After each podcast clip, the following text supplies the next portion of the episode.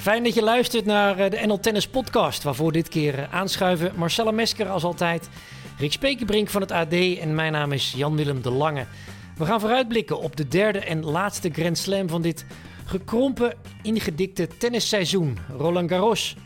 Ja, en om er maar meteen eventjes eh, in te komen, Rick en Jan-Willem, toch een paar korte vragen. Um, Jan-Willem, krijgen we nieuwe winnaars te zien? Nou ja, in, in ieder geval bij de vrouwen, want uh, Barty, de verdedigend eh, kampioen, die is er niet. Die zit eh, thuis in Australië. Dus die, uh, die is simpel. En bij de mannen, ja, ik hoop het wel. het is lekker, lekker onzeker, zou ik willen zeggen. Nadal, hoe staat hij ervoor? is heel moeilijk te zeggen.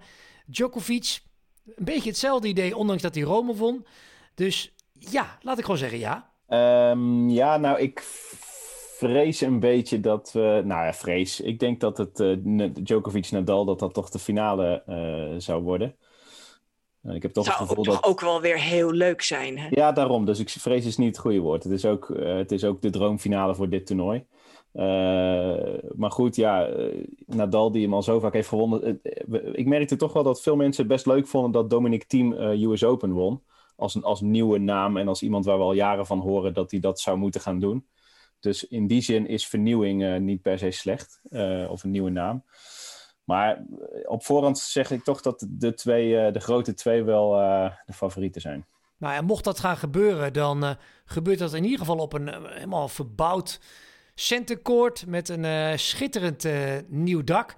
De hamvraag, Rick, hoe vaak gaat dat dak dicht de komende weken? de, de weersvoorspelling van uh, Parijs heb ik dan weer niet uh, bekeken van tevoren. Maar als die een beetje lijkt op die van Nederland, dat zal wel. Dan um, gaat dat uh, dak wel een keer of nou acht, zeg ik, gokje. ik denk best vaak. Waar het natuurlijk eigenlijk om gaat nu is de chaos op Roland Garros in Parijs met de coronagevallen. Want ja, we hadden de USDA New York al behoorlijke complimenten gegeven. Eén officieel geval, Benoit Per. Maar hoeveel gaan we nu meemaken van de coronagevallen? Jan Willem, doe ze gok. Ja, ik, ik heb die glazen bol toevallig net uh, verkocht via Marktplaats. Dus dat weet ik even niet. maar er zijn wel een paar uh, positieve testen geweest tot nu toe. Damir Dzumhur heb ik het dan over, de Bosnier. Die, uh, die gaat zelfs een rechtszaak aanspannen, omdat hij helemaal niet gelooft in, in de positieve test van zijn coach. Hij deelde een kamer met hem in Parijs en daardoor moest hij het toernooi verlaten. En dan hebben we nog die Amerikaanse prof, die verloor vroeg in de voorrondes, Noah Rubin. En uh, die is vooral bekend van zijn podcast uh, trouwens. Dus ergens ook wel een collega van ons. Want wat zei die? Nou ja, uh, het is allemaal niet gefact-checked hoor. Maar het is uiteindelijk wel iets wat hij zelf heeft meegemaakt in Parijs. En wat hij vertelt over de situatie daar. Ja, het is gewoon heel anders dan in New York. Neem bijvoorbeeld de testen. dat deden de spelers deels zelf in Amerika. Met, die had echt zelf met een stokje in hun neus te vroeten daar. Terwijl het in Parijs veel grondiger zou gebeuren. Dat zegt ook de organisatie. Ja, en daardoor krijg je gewoon meer positieve gevallen. Maar goed, uh, Rick, jij hebt meegeluisterd bij de, bij de persconferentie van, van Guy Forget, toernooidirecteur. Wat ben je daar wijzer van geworden? Nou, het, was, het, was een, het leek een in de haast uh, ingelaste persconferentie. Want we kregen een mailtje om vijf voor vier dat hij om kwart over vier zou gaan spreken. Oh. Dus ik dacht, wie weet is dat spannend. dat viel wel mee. Het waren eigenlijk vooral hij wilde volgens mij wat stress wegnemen of wat vragen wegnemen. En hij zegt eigenlijk: het is echt uh, heel erg veilig. Hij zegt: het is een toernooi in de buitenlucht. We hebben uh, eh, 15 voetbalvelden groot, een terrein van 15 voetbalvelden groot. spelers en fans, er is geen interactie tussen die groepen.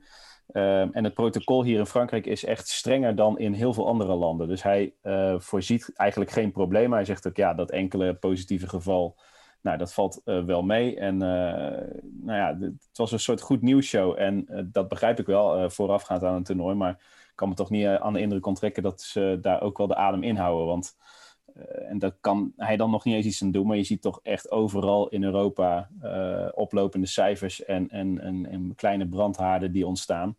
En nou ja, tot slot, Robin Hazen in de Telegraaf gisteren of eergisteren, die vertelde ook dat, uh, dat er van een bubbel geen sprake is. Dat hij uh, een hotel deelt met allemaal mensen die helemaal niks te doen hebben met Roland Garros.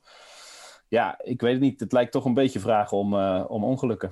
Ja, trouwens, uh, over uh, die coronagevallen. Want ook op het laatste moment uh, gingen er nog een paar spelers uit het schema. Bijvoorbeeld Milos Raonic, die in New York trouwens al had gezegd... Uh, nou, ik maak me toch wel zorgen om Parijs. Hè. Hij is altijd super voorzichtig met zijn lichaam, blessuregevoelig... maar ook kwetsbaar voor nou ja, ziektes en griepvirussen. hij heeft last minute zich teruggetrokken. En ook Belinda Bencic, die juist ongelooflijk veel op gravel uh, had getraind in Zwitserland. Dus uh, zonder eigenlijk reden van opgave waarom ze zich uh, terugtrokken. Ik denk absoluut dat dat wel met ja, de situatie in Parijs te maken heeft met, met het coronavirus. Ja, je kunt het duidelijk niet laten, Marcella. je noemt alvast wat namen. Laten we lekker gaan vooruitblikken dan maar. Om te beginnen met het vrouwentoernooi. Daar hebben we tenslotte een Nederlandse afvaardiging. Kiki Bertens, Aranska Rus, zij zijn in ieder geval rechtstreeks toegelaten tot het hoofdtoernooi. En uh, ja, als we het hebben over Bertus, wat een contrast hè, met vorig jaar. Toen was ze titelfavoriet. Nu is die aanloop naar uh, Parijs uh, echt een stuk stroever. Twee keer direct eruit in, in Rome en Straatsburg. En we smijten een beetje met stellingen deze aflevering. Dus ik zou zeggen, reageer er maar op. Dan komt de eerste. Straatsburg. Dat was een goede keuze om dat te spelen van Kiki Bertus. Rick? Ja, ik denk het wel, uh, gegeven de omstandigheden. Uh, idealiter had ze denk ik juist voor Rome wat extra minuten op uh, gravel gemaakt. Die keuze heeft ze niet gemaakt. Maar als je dan in Rome ja, zo snel eruit vliegt naar twee setjes... Ehm, ja, dan denk je, ik moet toch wat wedstrijdritme opdoen. En dan is Straatsburg redelijk dicht bij Parijs. nou ja, dat is praktisch goed te doen dat, daar valt wel iets voor te zeggen. Uh, ja, heeft ze daar uiteindelijk iets aan gehad? Nee, geen vertrouwen uh, gewonnen, uh, geblesseerd op moeten geven. Dus je kan net zo goed verdedigen dat het geen goed idee was, eerlijk gezegd. Nou, ik denk dat het niet alleen een, een, goed idee was om die wildcard aan te vragen. Ik denk dat het eigenlijk een must was van tevoren al om dat toernooi te spelen. Ook al was dat de week van Roland Garros. Ze stond natuurlijk toch wel wat op achterstand, omdat ze niet uh, in New York had gespeeld. Uh, ik ben het eens met Rick. Natuurlijk had ze al die kleine toernooien moeten spelen. Uh, Palermo, Praag, misschien wel Istanbul. maar goed, daar heeft ze voor gekozen om dat niet te doen. Het vervelende is dat ze nu met die Achillespees blessure zit. Die heeft ze al ongelooflijk lang, want uh, je ziet het bijna niet, maar ze heeft altijd die huidkleurige tape op haar linkerkuit. Die loopt dus door naar die uh, Achillespees. En in december heb ik bij een training gekeken. Toen kon ze al bijna niet afzetten uit de hoeken als ze naar de voorhandhoek liep. En dan ga ik ja, nog verder terug. Fed Cup ontmoeting. Um, toen heeft ze zelfs een injectiespuit in de Achillespees laten zetten om daar vol gas te kunnen geven. Hè, want ze speelt natuurlijk single-dubbel, drie dagen achter elkaar.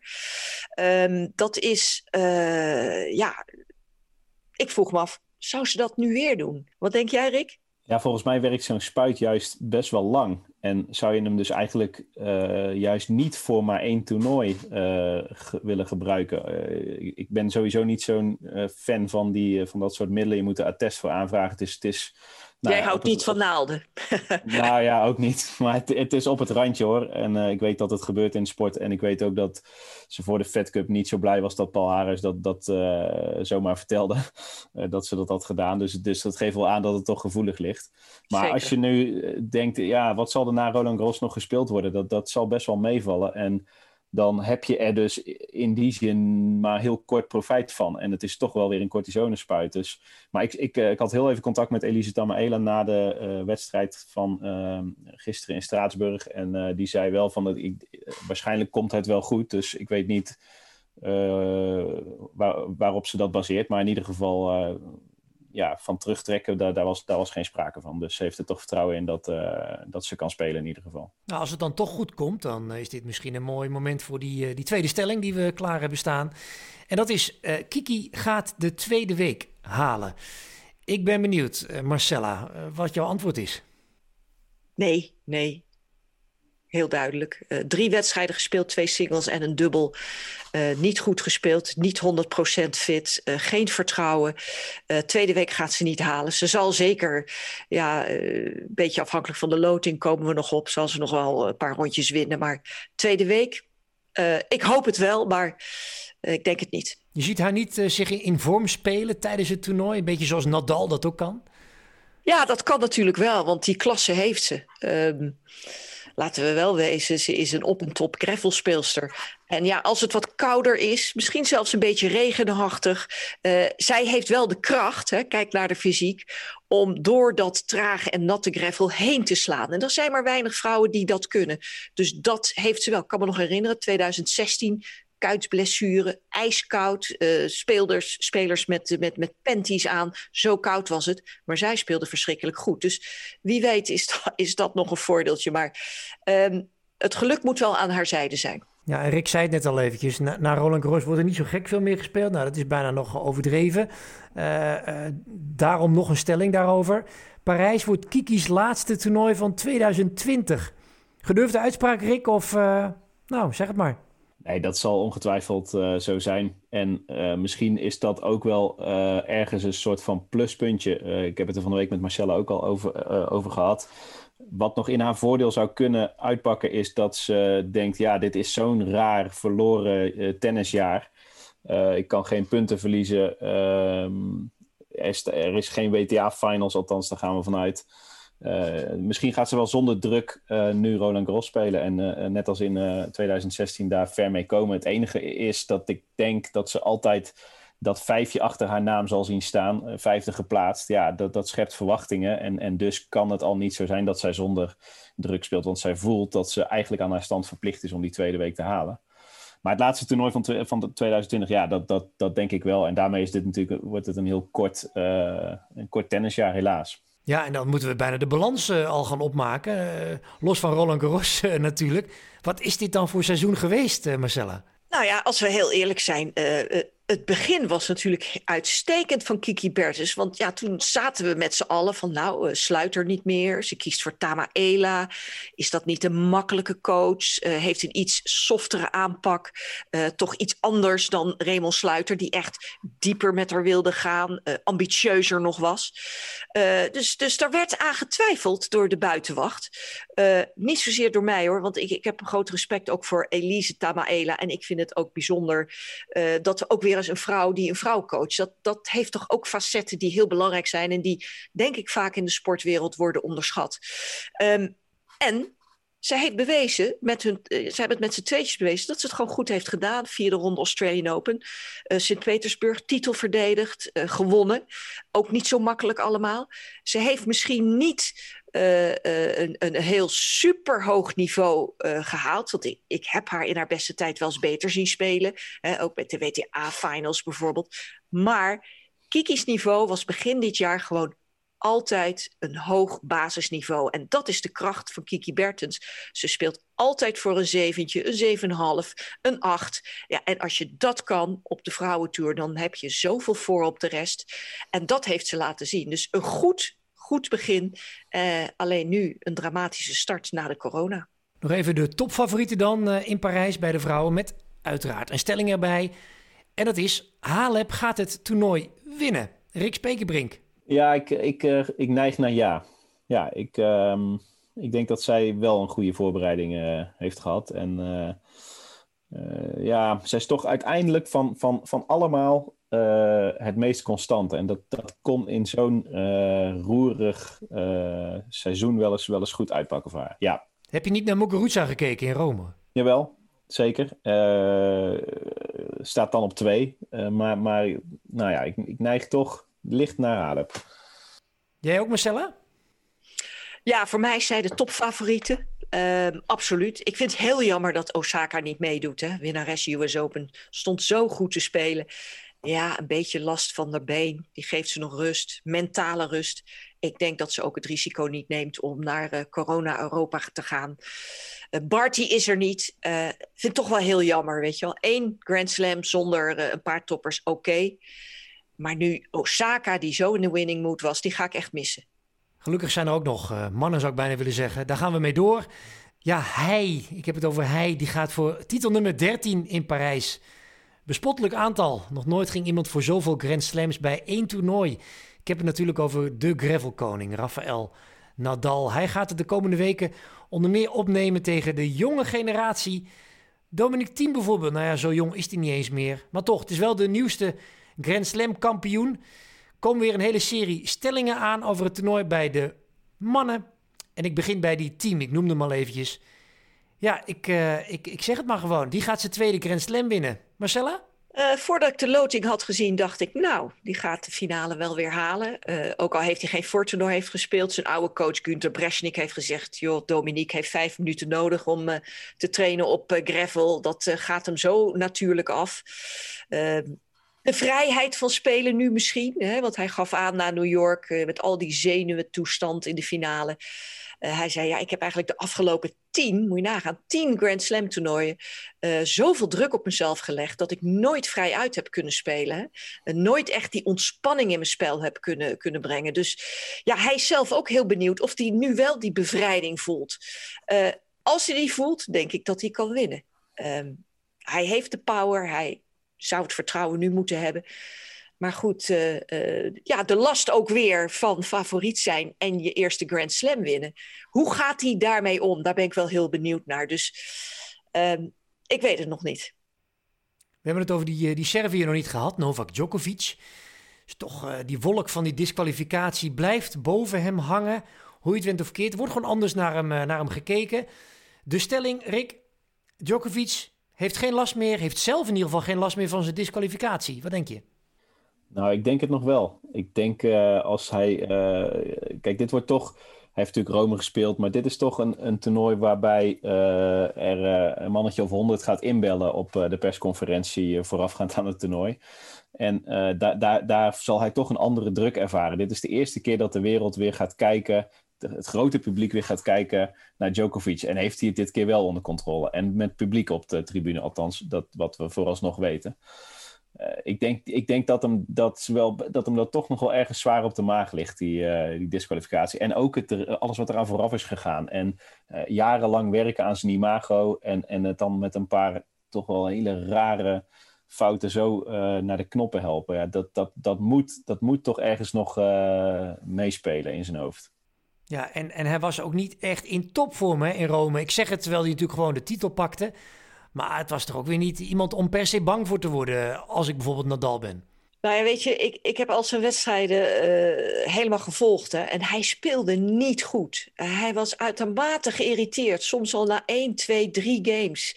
Uh, een beetje geluid op de tribune, terwijl er niemand zat. In, hè, alleen in de halve finales, een paar, paar man. dan was er weer te veel wind. Dan was er weer een beetje regen.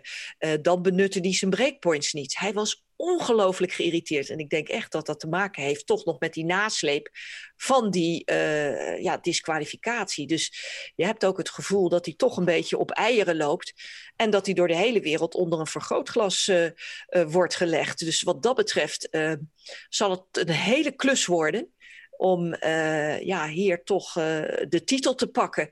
Um, en ja, het gravel is natuurlijk niet zijn beste ondergrond. Hè. Hij kan niet zo makkelijk zijn tegenstanders op traag, koud, misschien regenachtig gravel wegzetten. Denk nog maar even aan die finale tegen Vavrinka 2014, geloof ik. Uh, hij countert toch liever op hardcourts, hè? hoog tempo, tempo overnemen. Um, maar goed, mentaal denk ik dat hij de aller, aller, allerbeste is. Dus um, we, we gaan zeker heel veel van hem verwachten, maar uh, het wordt moeilijk voor hem. En hoe moeilijk wordt het voor Nadal om nummer 13 binnen te halen? Idiote ambitie, maar hij gaat er wel voor. Stelling is, nummer 13 moet minimaal wachten tot 2021. Rick? Poeh. Um,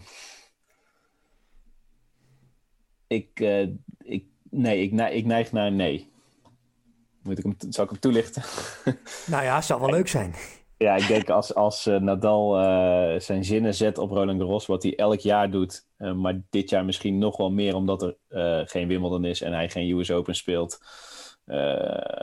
ja, dan, dan denk ik toch dat hij dat, dat hij dat kunstje daar op gravel zo goed beheerst, zeker in best of five, dat, dat hij uiteindelijk ehm, dat, dat, ja, dat, hij, dat hij het voordeel heeft dat hij dat toch zou moeten kunnen winnen. Maar, zeg ik er meteen bij, uh, het, is een, het is een raar jaar. En je ziet in alle sporten rare uitslagen. En nou ja, hij verloor in Rome echt op een uh, gekke, lelijke manier. Dus het, het, het, is, het is onvoorspelbaarder dan andere jaren voor mijn gevoel, dat wel. Dan heb ik nog eentje voor Marcella. Namelijk Tsitsipas en Zverev. Dat is de stelling, hè? Die breken definitief met hun vader als coach? Ja, nou ja, we hebben natuurlijk Tsitsipas in New York ontzettend tekeer zien gaan tegen zijn vader uh, Apostolos. Um, die liep verschillende keren weg. Dat was die wedstrijd waarin hij ook uh, zes matchpoints had tegen Zoric. Die verloor die.